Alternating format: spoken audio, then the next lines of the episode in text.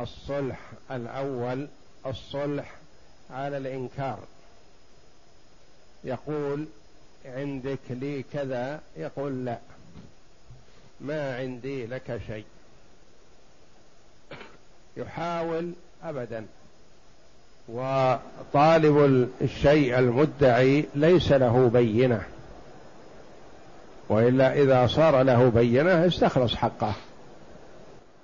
ثم يحاول أحدهما مع الآخر الصلح. إما المدعي يقول مثلا آخذ بعض الشيء ولا يفوت علي حقي كله. أو المدعى عليه لا يحب الدعاوي والشكاوي ويقول أنا لا أعترف لك بشيء ولا أعرف أن عندي لك شيء.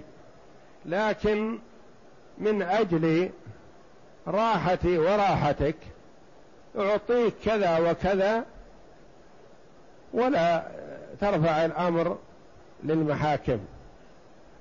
هذا يسمى الصلح على الإنكار وهو جائز. النوع الثاني من أنواع الصلح الصلح على الإقرار. يدعي عليه بعين يدعي عليه بدين يعترف ثم مع هذا الاعتراف يكون الصلح هذا على ثلاثة أضرب ثلاثة أقسام. أن يدعي عليه بدين فيعترف ويقول أعطني بعض الشيء وأنا متنازل عن البعض الآخر. مقابل اعترافك وعدم إنكارك أنا أتنازل عن بعض الشيء. هذا سائر النوع الثاني أو القسم الثاني أن يدعي عليه بعين. عين يعني شيء معين. الأول دين يعني شيء في الذمة. شيء معين. يقول هذه الأرض التي عندك لي التي بيدك لي. أو هذه السيارة لي. أو هذه القطيفة لي. فيعترف المدعى عليه ثم يتنازل المدعي عن بعض العين. فلا بأس بذلك. يقول مقابل اعترافك بحقي هذه الأرض خمسة آلاف متر أنا أعطيك منها خمسمائة متر تبني فيها سكن لك. هذا ادعى عليه بدين فتنا بعين فتنازل عن بعضها للمدعى عليه. وهذا في حال الإقرار. القسم الثالث وهو موضوع درسنا اليوم أن, يعترف له بعين أو دين فيصالحه على غيره. ادعى عليه الأول بدين فتنازل عن بعضه وأخذ الباقي. ادعى عليه بعين فتنازل عن بعضها وأخذ الباقي. ادعى عليه بدين أو عين سيان. فصالحه على غيرها. الأولى مثلا ادعى عليه بألف ريال فاعترف قال أعطني ثمانمائة وأنت حل مئتين هذا ادعى عليه بدين فتنازل عن بعضه. الثاني مثل الأرض قلنا ادعى عليه بهذه الأرض قال هذه أرضي قال نعم صحيح. قال ما دام تقول كذا فأنا أعطيك منها خمسمائة متر. هذا الأول ادعى عليه بدين والثاني ادعى عليه بعين واعترف وتنازل عن بعضها. موضوعنا اليوم ادعى عليه بعين أو دين فتصالح على غيرها. ما تصالح عليها نفسه قال أعطني كذا والباقي لك. تصالح على غيرها قال عندك لي ألف ريال. قال نعم لكن أنا ما عندي ريالات الآن. أنا أعطيك جنيهات أعطيك دولارات. ادعى عليه بأرض. قال الأرض الفلانية مثلا هذه أرضي وأنت استوليت عليها وبنيت عليها. قال أصطلح وإياك على قيمتها. أدفع لك قيمتها. الأرض مثل ما ترى. قد بنيتها عشرة أدوار. فما يمكن أردها عليك لكن أعطيك مقابل قيمتها مئة ألف. هذا ادعى عليه الأول بدين فصالحه على نقد غيره. الثاني ادعى عليه بعين فصالحه على نقد. على عرض الأول وصالحه على نقد ويأتي تفصيلها. لكن إجمالا للتقريب. نميز الفرق بين الأقسام الثلاثة. ادعى عليه بدين فتنازل عن بعضه وأخذ البعض. هذا القسم الأول. الثاني ادعى عليه بعين فأخذ بعضها وتنازل عن بعض. وهذه كلها جائزة. ادعى عليه بدين أو عين فصالحه على غيرها. الثالث ادعى عليه بعين أو دين فصالحه على غيرها وهذه التي تحتاج إلى تفصيل منها ما هو حكمه حكم الصرف ومنها ما هو حكمه حكم البيع. يأتي منها ما حكم حكم الصرف وللصرف أحكام ويأتي منها ما حكم حكم البيع وللبيع أحكام وشروط لا بد منها. القسم الثالث نعم. القسم الثالث أن يعترف له بعين أو دين. بعين أو دين العين الشيء المحدد.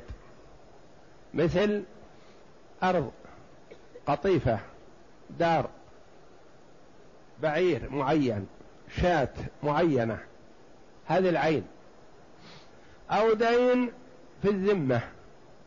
يقول عندك لي خمسة أبعرة. عندك لي خمسة آلاف ريال. ادعى عليه بدين. مو بشيء معين. العين الشيء المعينة. هذه الأرض هذه الدار هذا البعير هذه البقرة هذه الشاة. هذه ادعى بعين. ادعى بخمسة أبعرة. مثلا هذه دين. ما هي محددة معينة. هذه. ادعى عليه بعشرة آلاف ريال. ادعى عليه بعشرة آلاف جنيه. مثلا.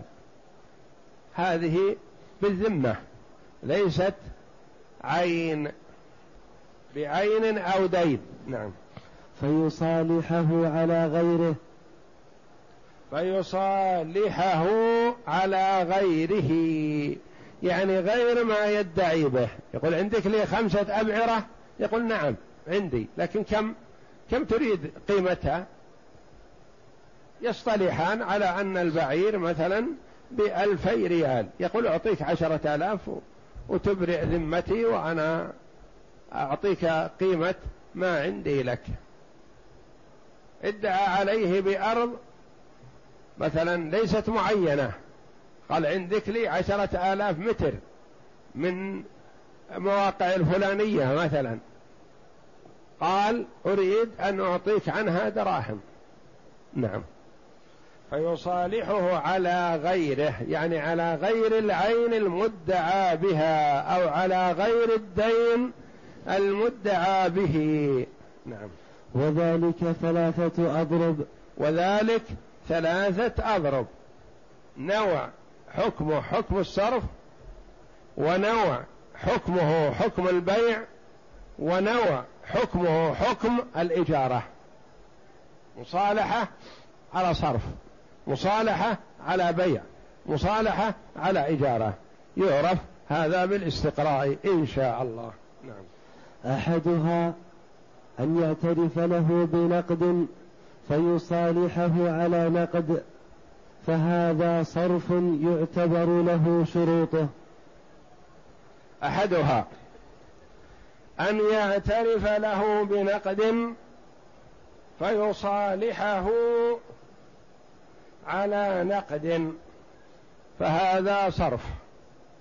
يقول حينما كنت أنا وإياك في مصر أقرضتك ألف جنيه. تذكر؟ يقول نعم أذكر. يقول أريد حقي. يقول ماذا تستفيد من ألف جنيه الآن؟ أنت في مكة. أريد أصطلح أنا وياك على دراهم. أعطيك عن ألف الجنيه اللي عندي دراهم. سعودية تستفيد منها تصرفها تتصرف فيها. الجنيهات ما تستفيد منها وأنا إذا احتجت أن أشتريها أشتريها أغلى. ثم تذهب أنت تبيعها أنقص. لما؟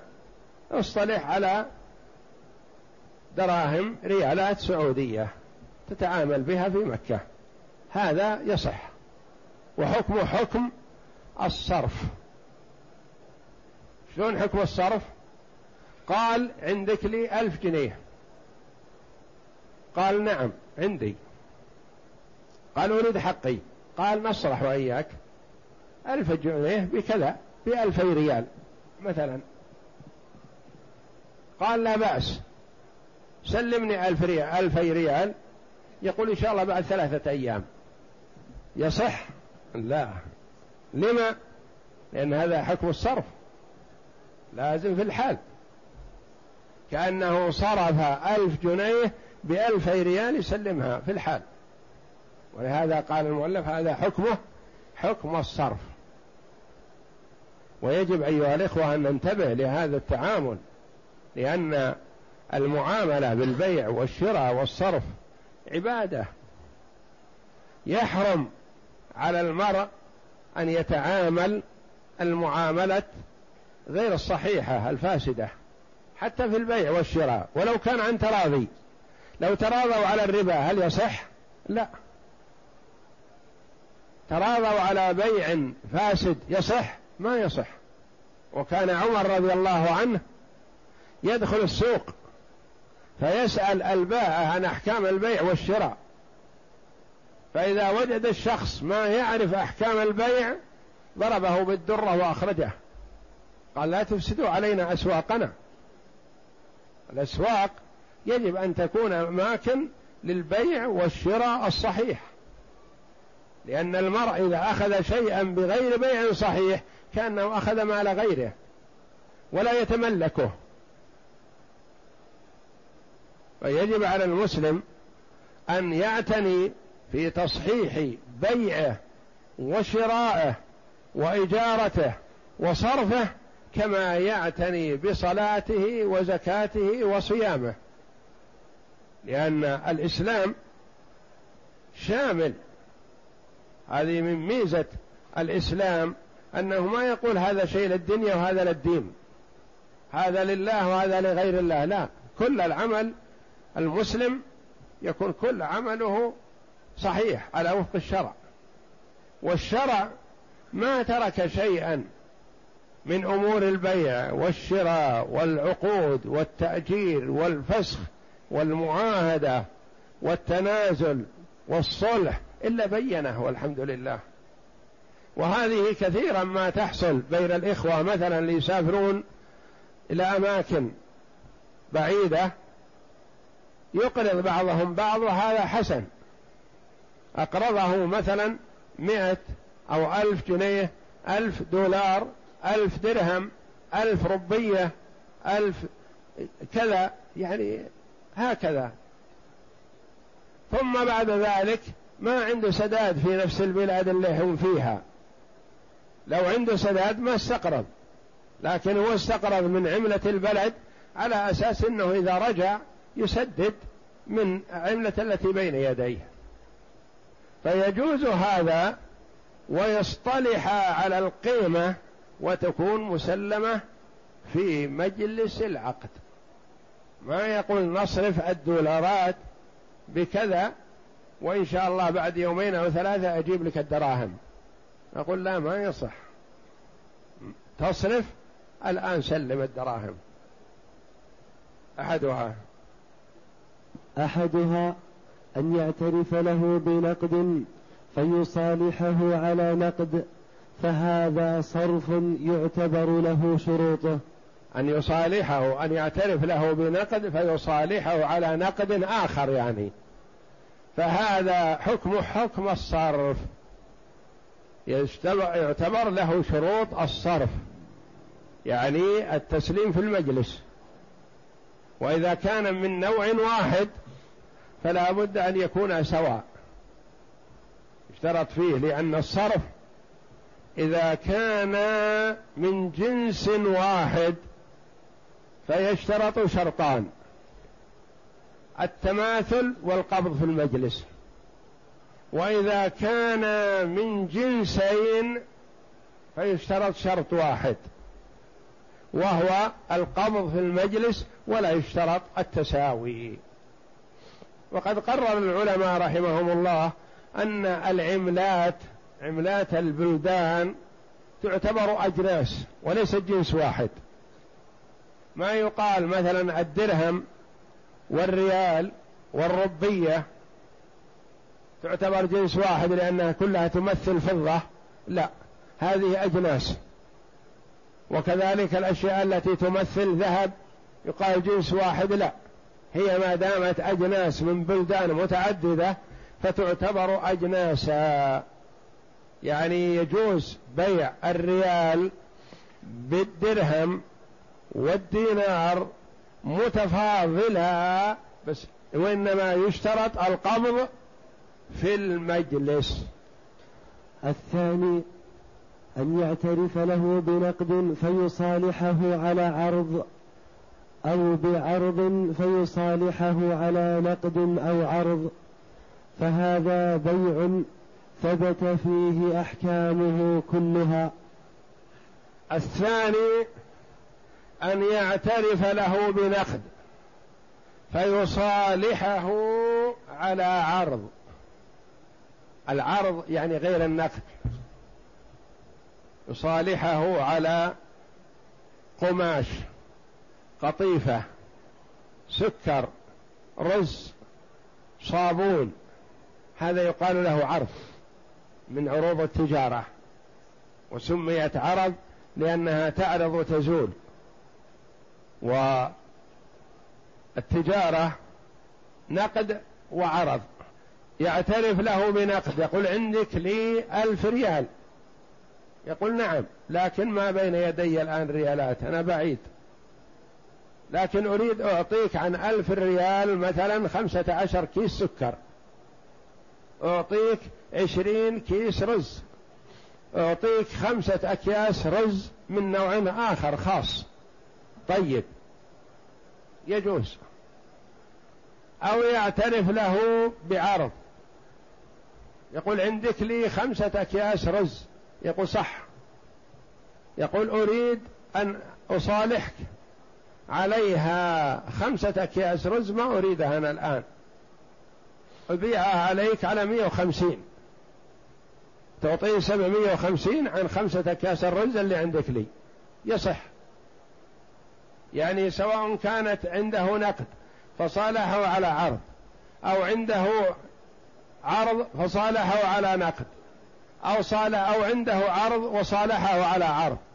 مثلا قال له عندك لي خمسة أكياس رز. أنا ما أريد رز الآن أريد تمر. تعطيني بدل الرز كذا من التمر فاصطلح صح. وهذا يعتبر بيع. إن كان من جنس واحد فلا بد أن يكون متساوي ويكون يسلم في المجلس. وإن كان من جنسين فلا يشترط التساوي. وإن كان مما يدخله الربا لابد أن يسلم في المجلس. وإن كان أحدهما قيمة المصالح عليه والآخر عرض فلا يشترط لا القبض في المجلس ولا التساوي. لأن لهذا أحكام البيع. يقال عندك لي خمسة أكياس رز من نوع كذا. أنا ما أريد هذا النوع. أريد تعطيني مقابله بدله خمسة أك... خمسة أكياس عندك لي تعطيني عشرة أكياس من نوع أرخص. رز نقول هذا ما يجوز. لما؟ لأنه لا يجوز بيع رز برز متفاضل. يقول عندك لي مثلا خمسة أكياس رز. أريد مقابلها تمر لأن في حاجة إلى التمر في رمضان. فتعطيني مقابلها تمر. يقول نعم لكن التمر أغلى من الرز. ما أعطيك مساوي. لا ما نقول ما يشترط التساوي. يقول زين كم تريد؟ يقول أريد عشرة. أكياس تمر. بدل الرز اللي عندك لي قل أو كثر مثلا. نقول هذا لا بأس. يقول تأتيني بعد يومين أو ثلاثة أعطيك التمر. نقول لا ما يجوز. لأن الرز بالتمر يلزم أن يقبض في المجلس ما يلزم التساوي وإنما يلزم القبض لأن هذا ما يدخله الربا. ربا النسيئة فلا يجوز. رز بتمر يلزم فيه القبض في المجلس. رز برز نوع آخر يلزم فيه التساوي والقبض في المجلس.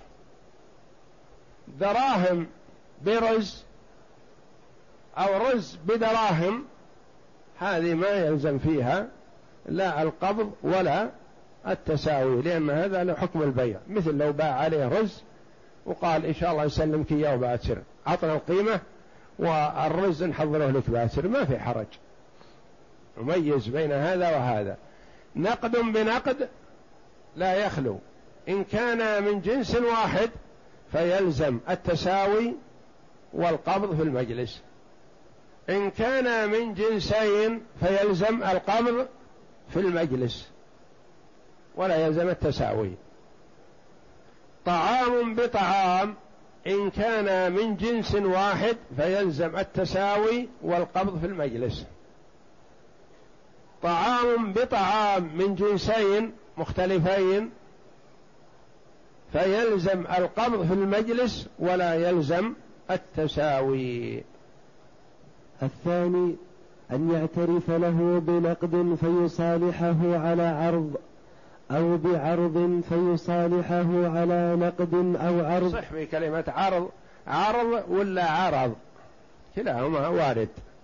عرض والعرض اللي المقصود بها البضاعة غير النقد. العرض والعرض مقابل النقد يعني ما هي دراهم ولا بدل عن دراهم وإنما هي عرض. عرض ثياب قماش أواني طعام وغير ذلك. هذا يقال له عرض. نعم. فيصالحه على نقد أو عرض فهذا بيع ثبت فيه أحكامه كلها. هذا تثبت في أحكام البيع. إن كان يدخله الربا فليحذر. إن كان لا يدخله الربا فلا بأس. الثالث أن يعترف له بعرض أو نقد فيصالحه على منفعة كسكنى دار أو خدمة فهذا إجارة تثبت فيه أحكامه. الثالث أن يعترف له بعرض أو نقد. يقول عندك لي خمسة أكياس سكر هذا عرض. يقول عندك لي خمسمائة ريال. هذا نقد. يعترف يقول نعم صحيح عندي لك. يقول أنا ما أريد السكر أو ما أريد الدراهم لكن أريد أن تسكنني دارك هذه شهر. مقابل ما عندك لي. أو يخدمني ابنك شهر. أو يخدمني غلامك شهر. أو تسلمني سيارتك أستعملها عشرة أيام مقابل ما عندك لي من دراهم أو من عرض. هذا له حكم لا البيع ولا الصرف وإنما حكم الإجارة. ولو تلفت العين التي صالح عليها بطل الصلح. إذا تلفت العين التي صالح عليها مثلا قبل أن يستلمها صاحبها بطل. وإن كانت العين هذه إجارة بطل الصلح إن كان لم يستفد منها شيء. وإن كان قد استفاد بعض الشيء فيبطل فيما بقي. مثلا يقول عندك لي مئة ألف ريال. يقول لا بأس صحيح. يقول أنا ما أريد دراهم وإنما أريد هذه العمارة تأجرني إياها وقت الموسم. تعطيني إياها بمئة الألف التي عندك. هذه لها حكم الإجارة. قبل أن يستلم العين المؤجرة مثلا تلفت. نقول هذه حكم الإجارة. إذا تلفت العين المؤجرة بطل الصلح. وصارت الدراهم في ذمة الرجل. بطل الصلح وكأن لم يكن. فإن كان استفاد من العين بعض الشيء يقوم. أصلا أخذ العمارة ينتفع بها لمدة شهرين انتفع بها شهر ثم بط... آه، خربت العمارة. أو وجد فيها ما يمنع الانتفاع بها. فيقال يقوم الشهر الأول والشهر الثاني بقيمته. فإن كان قد مضى بعض المدة بطل فيما بقي بقسطه. بقسطه من الأجار. نعم. ولو اعترفت المرأة بدين فصالحته على أن تزوجها نفسها صح وكان صداقا لها. اعترفت المرأة بدين يقول أنت عندك لي عشرة آلاف. قالت نعم عندي عشرة آلاف ما أنكر. يقول أعطيني يقول تقول ما عندي شيء. ما عندي دراهم. يقول إذن أتزوجك بهذه العشرة وتكون العشرة مهرا لك. قالت لا بأس. كلم والدي وأنا ما عندي مانع. فكلم الوالد فقال ما دام أنها موافقة فلا بأس. أنا أزوجك إياها مقابل عشرة الآلاف التي في ذمتها لك تكون مهرا. ولو اعترفت. ولو اعترفت له بعيب في مبيع فصالحته على نكاحها صح. فإن زال العيب رجع بأرشه لأنه الصداق. ولم يسم الخرق. ولو اعترفت ولو اعترفت. ولو اعترفت له بعيب في مبيع لا ولو اعترفت المرأة بدين. فصالحته على أن تزوجه أن تزوجه نفسها. صح. وكان صداقا. يعني كان هذا المبلغ بمثابة الصداق. وتقدم لنا الصلح مع المرأة على التزويج إنه غير صحيح. مو بهذا بعكس هذا. مثلا ادعى عليها قال أنت زوجتي. قالت لا أنا ما أعرفك. قال أنت زوجتي ولح عليها فأنكرت. ولا تأتي بزواج قال أرضيك أعطيك عشرة آلاف واعترفي بأنك زوجتي هل يصح؟ لا هذا ما يصح لأن هذا صلح على بضع فلا يجوز إلا بشروطه بالنكاح. أما إذا صالحته على أن يكون الدين الذي عندها صداقا لها صح قال عندك لي عندك لي عشرة آلاف. قالت نعم أنا أعترف لكن ما عندي شيء. أسدد. فيقول تكون مهرا لك زوجيني نفسك قالت أنا ما أملك هذا التزويج مو عندي وإنما أنا أوافق. وإنما التزويج عند أبي كلم والدي. فإذا وافق فأنا أرضى أن يسقط عني الدين مقابل الزواج. وكلم والدها فقال نعم لا مانع ما دام أنها موافقة هي فأنا أزوجك إياها مقابل العشرة التي في ذمتها لك. ولو اعترفت له بعيب في مبيع فصالحته على نكاحها صح. ولو اعترفت له بعيب في مبيع فصالحته على نكاحها. صح. باعت المرأة على رجل ما دارا بمائة ألف. فلما استلم الرجل الدار وجد فيها عيب. قال أنا سلمتك مئة ألف ريال قيمة هذه الدار. الدار الآن معيبة. فأنا أريد منك أن نصطلح على شيء من قيمة على قدر العيب.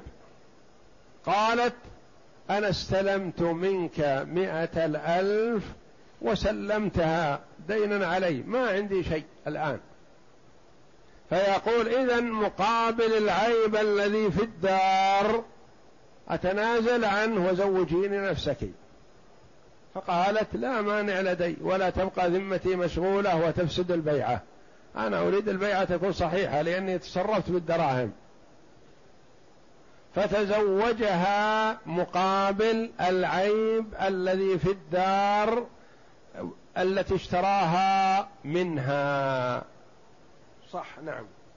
فإن زال العيب رجعت بأرشه لأنه الصداقة فإن زال العيب رجعت بعرشه لأنه أصبح صداق. العيب أصبح صداق والعيب زال.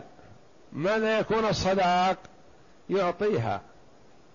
مثل المثال السابق مثلا قال العمارة التي اشتريت منك فيها عيب. وفيها عيوب كثيرة. لكن زوجيني نفسك وأترك العيوب كلها أقبلها. قالت لا بأس وحصل الزواج على هذا. وتم. ثم أرادت أن تتثبت عن العيوب التي ذكرها. وين العيوب التي ذكرت؟ قال فيها كذا وفيها كذا وفيها كذا. قالت لا بأس.